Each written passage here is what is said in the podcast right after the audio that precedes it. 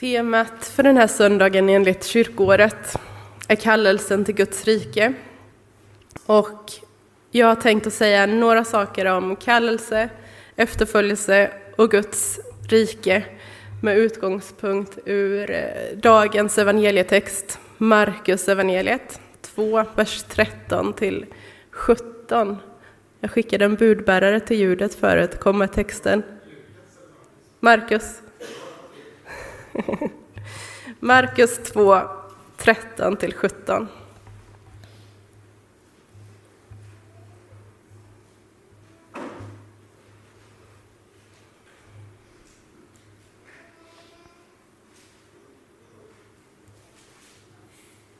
Jag läser och ni känner igen och jag hör att det prasslar i biblarna. Och han gick längs sjön igen alla människor kom till honom och han undervisade dem. När han gick där fick han se Levi, Alfaios son, sitta utanför tullhuset och han sa till honom Följ mig. Och Levi steg upp och följde honom. När Jesus sedan låg till bords i hans hus var det många tullindrivare och syndare som låg till bords tillsammans med honom och hans lärjungar. För det var många som följde honom. När de skriftlärda bland fariseerna fick se att han åt med syndare och tullindrivare sa de till hans lärjungar, äter han med tullindrivare och syndare? Jesus hörde det och sa, det är inte de friska som behöver läkare, utan de sjuka. Jag har inte kommit för att kalla rättfärdiga, utan syndare. Vi ber. Herre, tack för ditt ord. Öppna våra hjärtan, våra ögon och våra öron så att vi bättre kan förstå ditt ord, Herre. Kom med din heliga Ande och gör ordet levande för oss. I Jesu namn. Amen.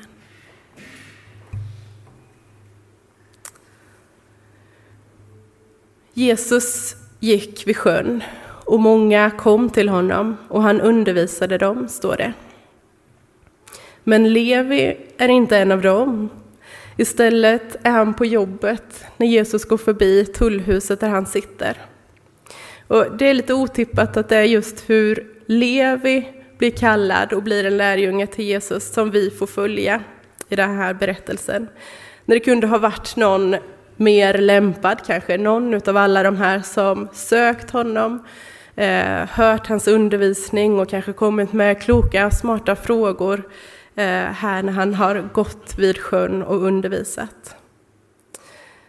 Det här förvånade kanske också lärjungaskaran som var med Jesus vid tillfället.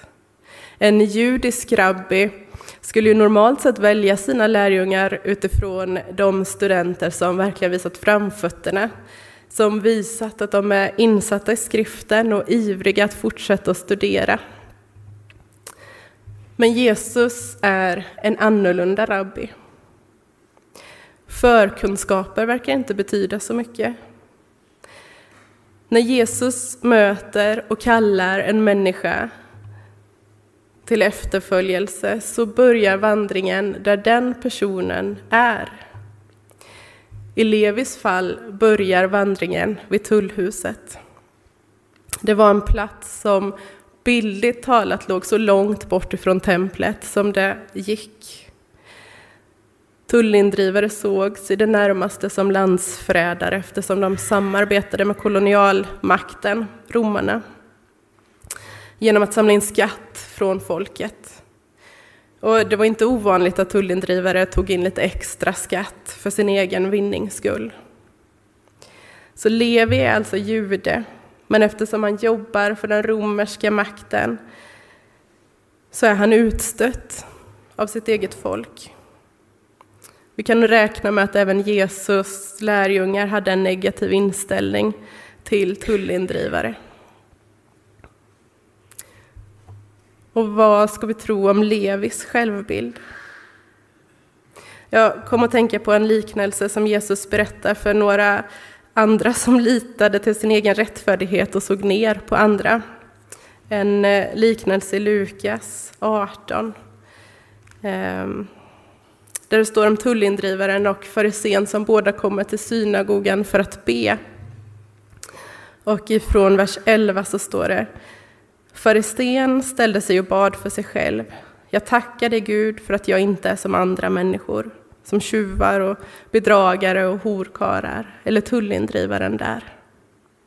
Jag fastar två gånger i veckan. Jag lämnar tionde av allt jag köper. Men tullindrivaren stod avsides, vågade inte ens lyfta blicken mot himlen, utan slog med händerna mot bröstet och sa Gud, var nådig mot mig, syndare.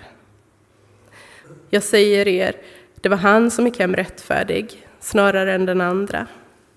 Ty den som upphöjer sig ska bli förödmjukad, men den som ödmjukar sig ska bli upphöjd. Det finns alltså ingen som är rättfärdig i sig själv. Utan när Jesus säger att han har kommit för att kalla syndare och inte rättfärdiga så innebär det att den enda kvalifikationen för att följa honom är att ha insikt om den egna synden och sitt behov av Jesu hjälp för att bli rättfärdig. Skillnaden mellan fariseerna och tullindrivare tullindrivarna är inte att de första är syndfria och de andra syndiga, utan att de första inte inser sin synd, medan de andra gör det. Jesus sa ”Följ mig” och Levi steg upp och följde honom. Vart då? När Jesus kallar Levi att följa honom är nästa plats som vi får möta dem på hemma hos Levi själv. Jesus kallar Levi först tillbaka hem till sig själv. Och jag tänker att det finns någonting spännande i det där. Jag är en sån som gillar att ha folk hemma och man får gärna komma spontant. Men det betyder också att man kommer till ett hem i befintligt skick, så att säga. Och jag kommer ofta på mig själv med att jag går och plockar lite och så här när folk är hemma, lägger saker på rätt ställe, sånt som man får syn på. Sånt som kanske har legat där på fel ställe i flera veckor. Jag har en liten hög med påskpynt som inte har blivit undanplockat och ligger i en liten provisorisk korg tillsammans med julpynt som inte har blivit undanplockat. Eh, den får nog ligga, ligga kvar där. Men det är som när man har en vän på besök så öppnas ögonen lite för det som inte riktigt ligger på rätt ställe. Och kanske är det så också när Jesus kommer hem till Levi. Att Jesus är som en lampa som lyser på det som inte riktigt är rent i våra liv. Så att vi ska kunna komma till insikt om vårt behov av Kristus. Det finns ju en annan berättelse i evangelierna när Jesus är hemma hos en annan tullindrivare, Sakaios. Och där verkar Jesu närvaro få precis den effekten. Sakaios får syn på hur illa han har behandlat människor och uttrycker en vilja till förändring. Men en annan sak som händer när man har besök är också att man kan bli varse att man faktiskt har det rätt fint hos sig, sånt som man också har blivit blind för. Att man kan få höra att vilken tjusig tapet eller vilken smart planlösning ni har, när man själv kan känna att allt är hopplöst. Jesu blick är varm och kärleksfull och han kan se bortom synden, precis rätt in till det som Gud har skapat oss till att vara. Levi levde som sagt utstött bland sitt eget folk. Och jag tänker att Levi mycket väl kan ha kämpat med självförakt. Vem kan älska en sån som mig? En del av oss kämpar med liknande tankar. Men Jesu blick säger oss att vårt självförakt inte talar sant. I Kristus är du mer älskad än du någonsin kan föreställa dig. Jag tycker så mycket om att Levis efterföljelse får börja i hans eget hem se det som en utmaning i mitt eget liv. Att livet med Jesus börjar inte på konferens eller på en kampanj långt borta.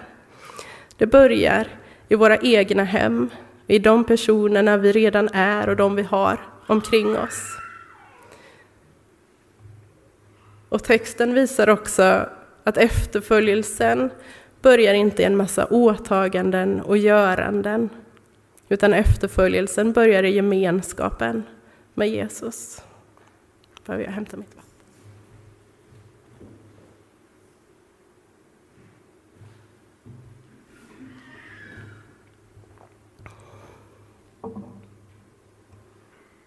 Äter han med tullindrivare och syndare?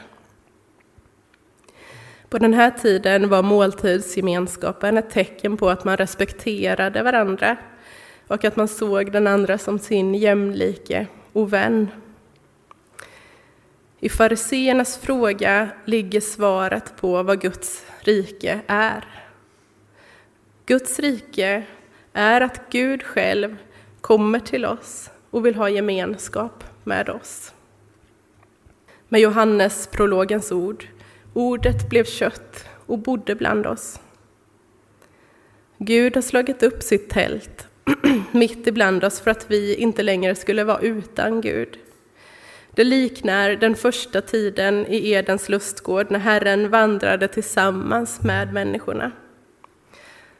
Guds rike är ett återupprättande av hela skapelsen och relationen mellan Gud och människor. Där vi igen och fullt ut får vara de avbilder som Gud har skapat oss till. Rättfärdiga inför Gud genom tron på Jesus.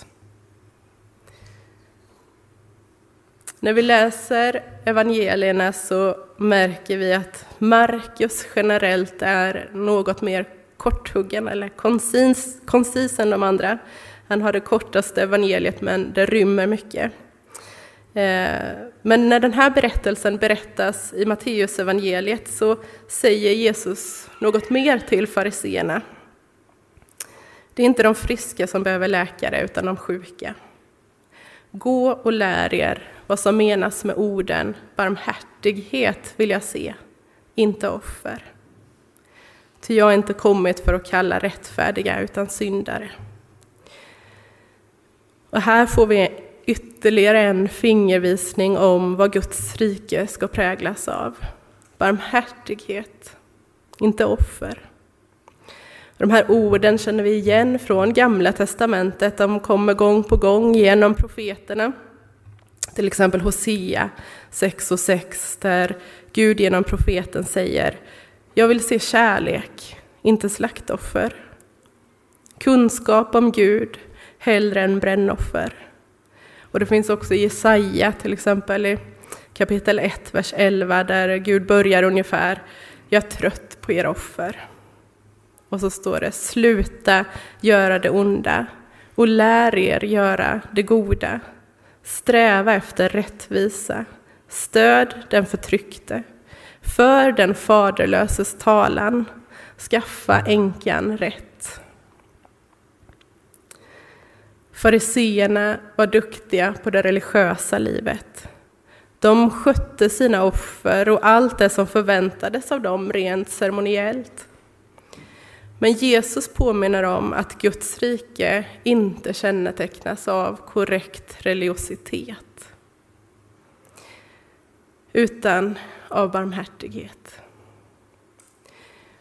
Jag har svårt att liksom föreställa mig att man skulle kunna vara barmhärtig på ett lagiskt sätt. Utan jag tror att barmhärtighet kommer som en kärlekshandling när tron landar i hjärtat. När vi erkänner vår synd, när vi tar emot Guds nåd. Och när vi förstår hur älskade vi är av Gud.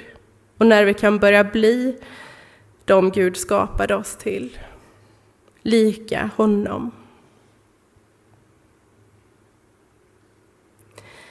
När Jesus talar om Guds rikes fullbordan målar han ofta upp bilden av en fest och en festmåltid där vi får ligga till bords tillsammans med Abraham och Mose och alla de andra som har gått före.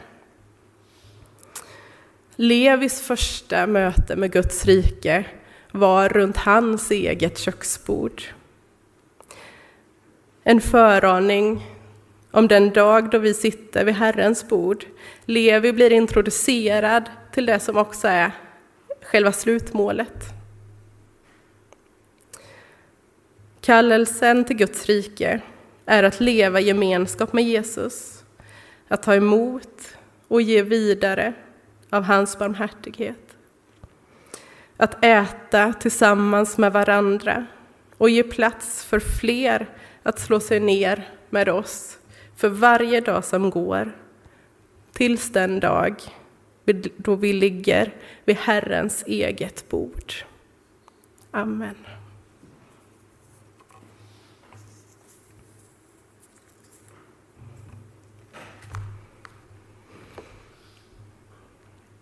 Jesus, låt ordet om ditt rike, om din kallelse och om vilka vi själva är landa på ett sätt i var och en av oss så att vi förstår. Tack att du känner oss där vi är och att vi får följa, oss, följa dig härifrån, Herre. Amen.